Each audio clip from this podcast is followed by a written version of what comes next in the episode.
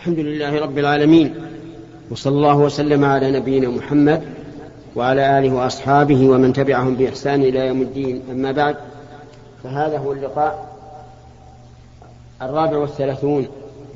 نعم؟ إي نعم. الرابع والثلاثون بعد المئتين. من اللقاءات التي تعرف لقاء بلقاء الباب المفتوح التي تتم كل يوم خميس من كل أسبوع وهذا هو وهذا الخميس هو التاسع والعشرون من شهر محرم عام واحد وعشرين وأربعمائة وألف.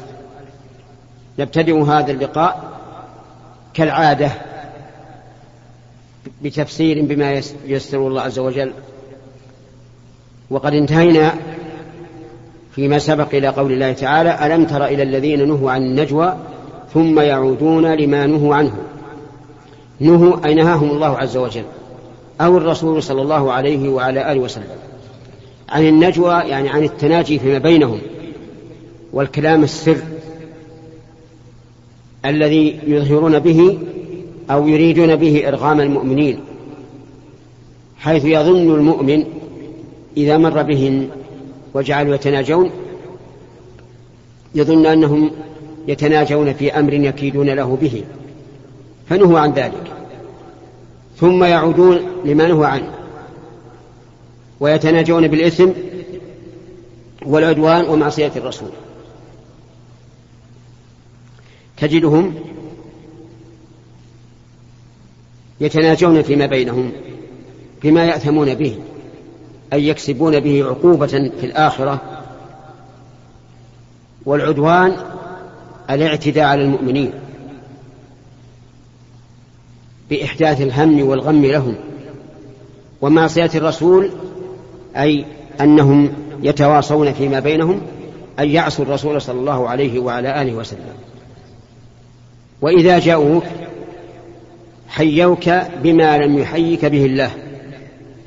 يعني إذا مروا بك أو أتوا إليك وأنت في مجلس حيوك بما لم يحيك به الله.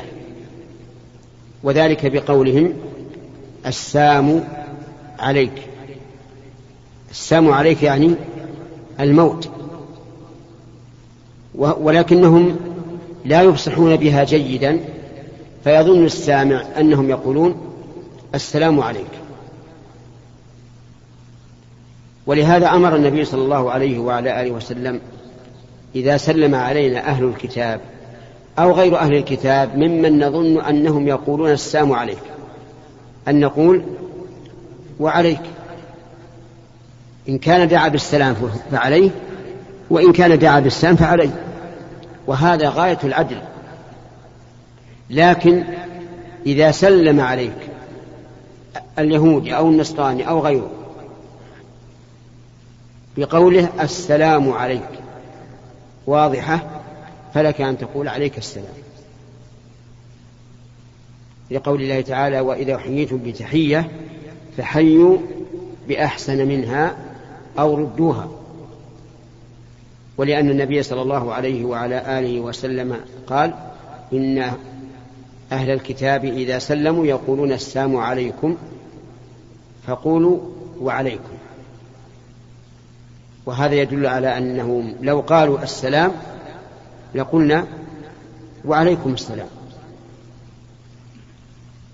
ويقولون في أنفسهم يعني يحدث الواحد منهم نفسه أو المعنى يقولون فيما بينهم. لولا يعذبنا الله بما نقول يعني هل لا يعذبنا الله بما نقول؟ لو كان ما نقول خطأ كأنهم يتحدون الله عز وجل ويقولون لو ارتكلنا خطأ لعذبنا الله. قال الله تعالى حسبهم جهنم يعني كافيتهم يصلونها وبئس المصير.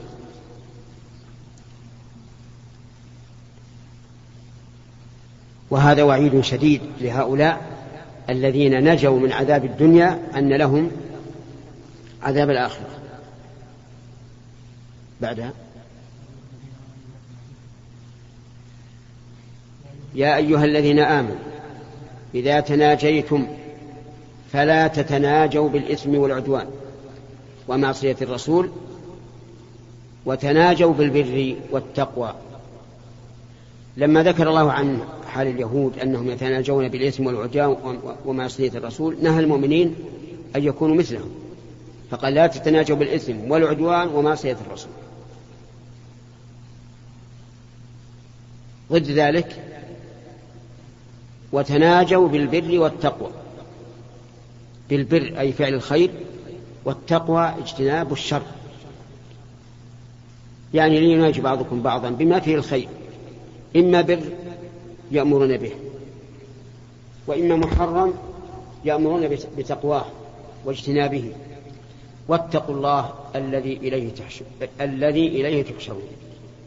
اتقوا الله تعالى يعني أطيعوا الله. لأن التقوى اتخاذ وقاية من عذاب الله بماذا؟ بفعل أوامره واجتناب نواهيه لأنه لا شيء يقي من عذاب الله إلا هذا الذي إليه تحشرون أي تجمعون إليه يوم القيامة فإن الله تبارك وتعالى يجمع الأولين والآخرين في صعيد واحد متساوي يسمعهم الداعي وينفذهم البصر. نحن في الدنيا لسنا على أرض متساوية بل على أرض تشبه الكرة. ولذلك لا ينفذ البصر إلى ما وراء المنحنى منحنى الكرة ولا يسمعه ولا يسمع الداعي. لكن في الآخرة يقول الله عز وجل وإذا الأرض سطحت يعني تمد مدا واحدا. ما فيها جبال ولا انحناء ولا مساكن. ولهذا يسمعهم الداعي لأن ما في صوت ما في شيء يرد الصوت. وينفذهم البصر يرى أقصاهم كما يرى أدناهم فيحشر الخلائق كلهم على هذه الأرض المسطوحة. لا جبال ولا أنهار ولا شعاب ولا غير وفي قولها الذي إليه تحشرون إثبات المعاد وهو اليوم الآخر. والإيمان به أحد أركان الإيمان الستة وهي أركان الإيمان أن تؤمن بالله وملائكته وكتبه ورسله واليوم الآخر وبالقدر خيره وشره فمن أنكر البعث فهو كافر كفرا مخرجا عن الملة. بل من شك فيه فهو كافر. كفرا مخرجا عن الملة فلينقذ نفسه قبل الموت وليوطنها على الإيمان باليوم الآخر. ف... فنحن نحشر إلى الله ونبعث يوم القيامة ونجازى بأعمالنا إن خيرا فخير وإن شرا فشر إنما النجوى من من الشيطان أي من أوامره. يعني هو الذي يأمركم بأن تتناجوا بالإثم والعدوان ومعصية الرسول. لماذا؟ ليحزن الذين آمنوا أن يلحقهم الحزن في نفوسهم. ولكن هل هذا يضرهم؟ الجواب لا يضرهم. قال وليس ولهذا قال وليس بضارهم شيئا إلا بإذن الله. كل الأسباب يبدلها الله عز وجل إذا شاء وإذا شاء نفذ قدره فيها. فهؤلاء الذين يتناجون بالإثم والعدوان ومعصية الرسول ليحزنوا الذين آمنوا لن يضر المؤمنين نجواهم إلا بإذن الله. ولهذا جاء في الحديث عن النبي صلى الله عليه وعلى آله وسلم لا يتناجى اثنان دون الثالث يعني إذا كانوا ثلاثة ما يتسامع اثنان دون الثالث قال من أجل أن ذلك يحزنه. ومثله إذا كانوا ثلاثة واثنان منهم يعرفون لغة غير عربية والثالث لا يعرف هذه اللغة فلا يجوز أن يتحدث بعضهم إلى بعض باللغة التي لا يعرفها الثالث لأن ذلك يحزنه. وهذا من عمل الشيطان نسأل الله العافية. وعلى الله فليتوكل المؤمنون. يعني يجب على كل مؤمن أن يتوكل على الله عز وجل. وإذا توكل على الله فهو حسبه لن يضره أحد. اللهم نسألك التوكل عليك وصدق الإيمان بك إنك على كل شيء قدير. والآن لا الأسئلة. نبدأ باليمين. شيخ أحسن الله إليك. أشكر على قول الترمذي في سننه. هذا الحديث حسن صحيح. نعم. بمعنى عند العلماء أنه يحتمل أن المعنى حسن صحيح أي جامع بين الحسن والصحة بأن يكون له طريقان أحدهما حسن والثاني صحيح. وعلى هذا الاحتمال يكون قول المحدث حسن صحيح أقوى من قوله صحيح. والثاني أن تكون أن يكون المعنى حسن أو صحيح. يعني أن الحافظ تردد هل الطريق تصل إلى الصحة أو هي في درجة الحسن وعلى هذا يكون قوله حسن صحيح أضعف من قوله صحيح. الأصل في اللحوم هو الحل والتحريم. الأصل في اللحوم. الحل والتحريم؟ الأصل في اللحوم التحريم لا في الحيوان الأصل في الحيوان الحل والأصل في اللحوم التحريم حتى. نعلم أو يغلب على ظننا أنها مباحة أفهمت الفرق؟ فهمت الفرق؟ ها؟ وش الفرق؟ نعم يعني لو شككنا في هذا الحيوان هل هو حلال ولا حرام فهو حلال فنذكيه ونأكله. لكن لو شككنا في هذا اللحم هل هو مذكى أو ميتة؟ فالأصل التحريم حتى يغلب على ظننا أنه حلال. ومن ذلك إذا جاء هذا اللحم ممن تحل ذبيحته فهو حلال. وليس علينا أن نسأل كيف ذبح ولا أن نسأل هل سمي الله عليه أم لا. ليس علينا هذا بل وليس لنا ذلك أيضا. لأن السؤال عن هذا من باب التعمق في الدين. ولهذا لما جاء أناس يستفتون النبي صلى الله عليه وعلى آله وسلم يقولون إن قوما يأتوننا باللحم لا ندري أذكر اسم الله عليه أم لا؟ قال سموا أنتم وكلوا. لم يقل اسألوهم قال سموا أنتم وكلوا. قالت عائشة راوية الحديث رضي الله عنها وكانوا حديث عهد بكفر. وحديث العهد بالكفر قد يخفى عليه وجوب التسمية عند الذبح.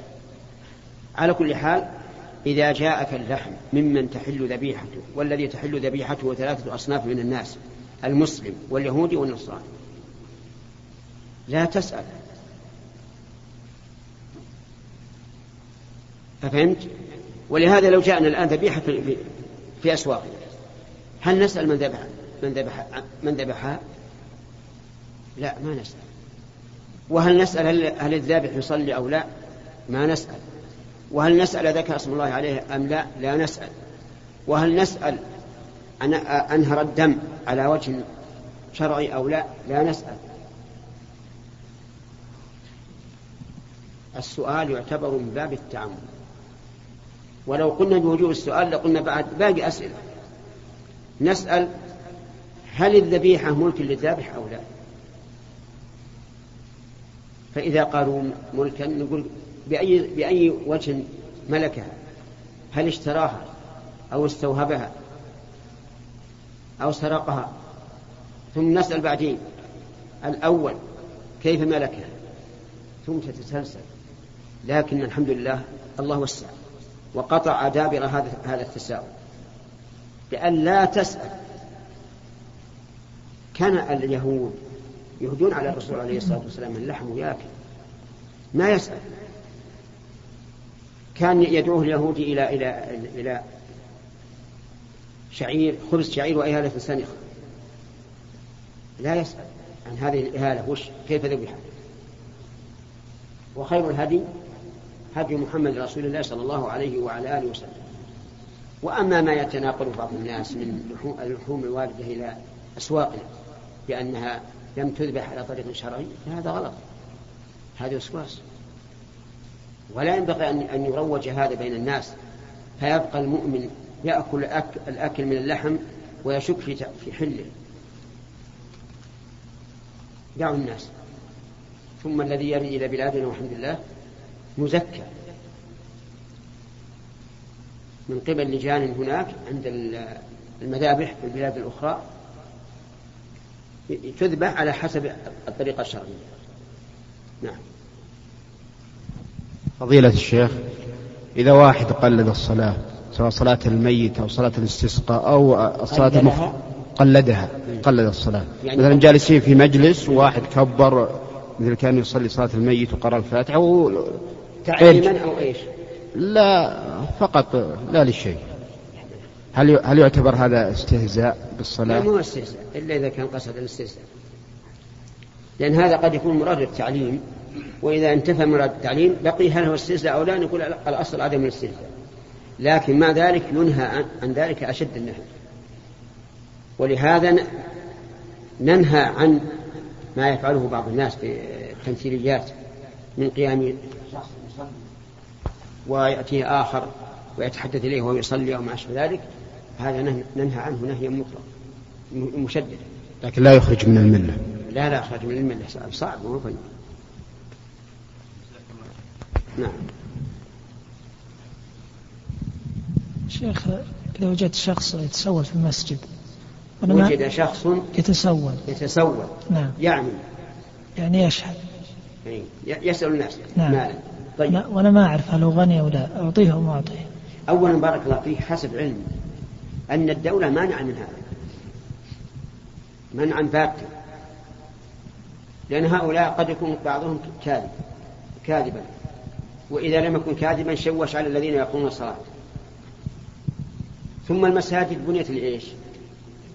للصلاة والذكر وقراءة القرآن. ما بنيت للتسول يعني للسؤال. فيقال لهذا الرجل اخرج عند عند الباب واسأل. نعم. عاد تعطيها وما تعطيها هذا اللي يغلب على ظنك. لكن أصلا السؤال في المسجد من الناحية النظامية ممنوع. من الناحية الشرعية قد يقول قائل أنه لا يجوز. وإن كان في حديث في أبي داود أن رجلا سأل الناس في المسجد وأقره النبي صلى الله عليه وعلى آله وسلم. لكن هذا قد يكون لضرورة والضرورة لها أحكام أنا مؤذن وأحيانا أوكل غيري بالأذان فهل أعطي الموكل نصيب الوقت الذي قام فيه بالأذان عني؟ نعم. أولا لماذا توكل؟ وأنت مؤذن موكول إليك الأذان. ضرورة؟ لا بأس. لكن الضرورة يوم أو يومين مثلا في الشهر. ما ما لا تعطيه شيء. ما جرت بالعادة بذلك. نعم لو قال لك أبي شيء طيب خاف مع أنه ما ينبغي أن يقول أبي شيء وهو هذه عبادة. نعم. هل يجوز للمرأة أن تلبس ثوبا ذاك قصير عند محارمها؟ المرأة مأمورة باللباس الساتر. قال الشيخ الإسلام ابن تيمية لباس نساء الصحابة في البيوت القمص يعني مثل الثياب هذا وستر ما بين الكف والكعب. هذه هي ثياب نساء الصحابة. كل الجسد يستر. وهذا لا شك أنه أكمل في الإيمان لقول النبي صلى الله عليه وعلى آله وسلم الحياء من الإيمان. وإذا فتح للنساء باب التوسع في اللباس أصبح لا ضابط له. وصار كل امرأة تلبس ما شاءت. لكن لو أنها مثل امرأة تعمل في البيت وكشفت الذراع لأجل العمل أو الساق لأجل العمل فلا بأس. مع كون الثوب ساترا من الأصل. نعم. شيخنا حفظك الله بعض طلاب العلم يحس أنه إذا اعتزل الناس أنه يزداد إيمانه يترقى في درجات الصلاح وأنه إذا خالط الناس يضعف إيمانه. فيشكل عليه هل يخالطهم مع ضعف الإيمان؟ أو يعتزلهم مع ازدياد الإيمان وارتفاع درجات نعم. هذا يسأل يقول إن بعض الناس إذا اعتزل الناس قوي إيمانه ورغبته في الخير وإذا خالطهم غفل ولها فأيهما أفضل؟ نقول إن كان هذا الرجل معه علم ينفع به الناس ويرشدهم فاختلاطه بالناس أولى. فالمؤمن الذي يخالط الناس ويصبر على أذاهم خير من المؤمن الذي لا يخالطهم ولا يصبر على أذاهم. أما إذا كان رجلا عاديا لكن انعزاله في انعزاله عن الناس أخشى له وأقوم من عبادته فليفعل لكن لا ينعزل عن أهله لأنه مسؤول عن أهله. الرجل راع في, أهل في بيته ومسؤول عن رعيته. لا. عنده علم يجب يبذل العلم ويجب عليه أن, أن, أن, لا ينفر سبحان الله هل نسمه عاقل. ابذل العلم وانشر العلم ولا, ولا تنفر فضيلة الشيخ آه الكافر إذا أسلم في نهار رمضان فهل يؤمر بقضاء هذا اليوم أم لا, لا يؤمر؟ اقلب الشريط من فضلك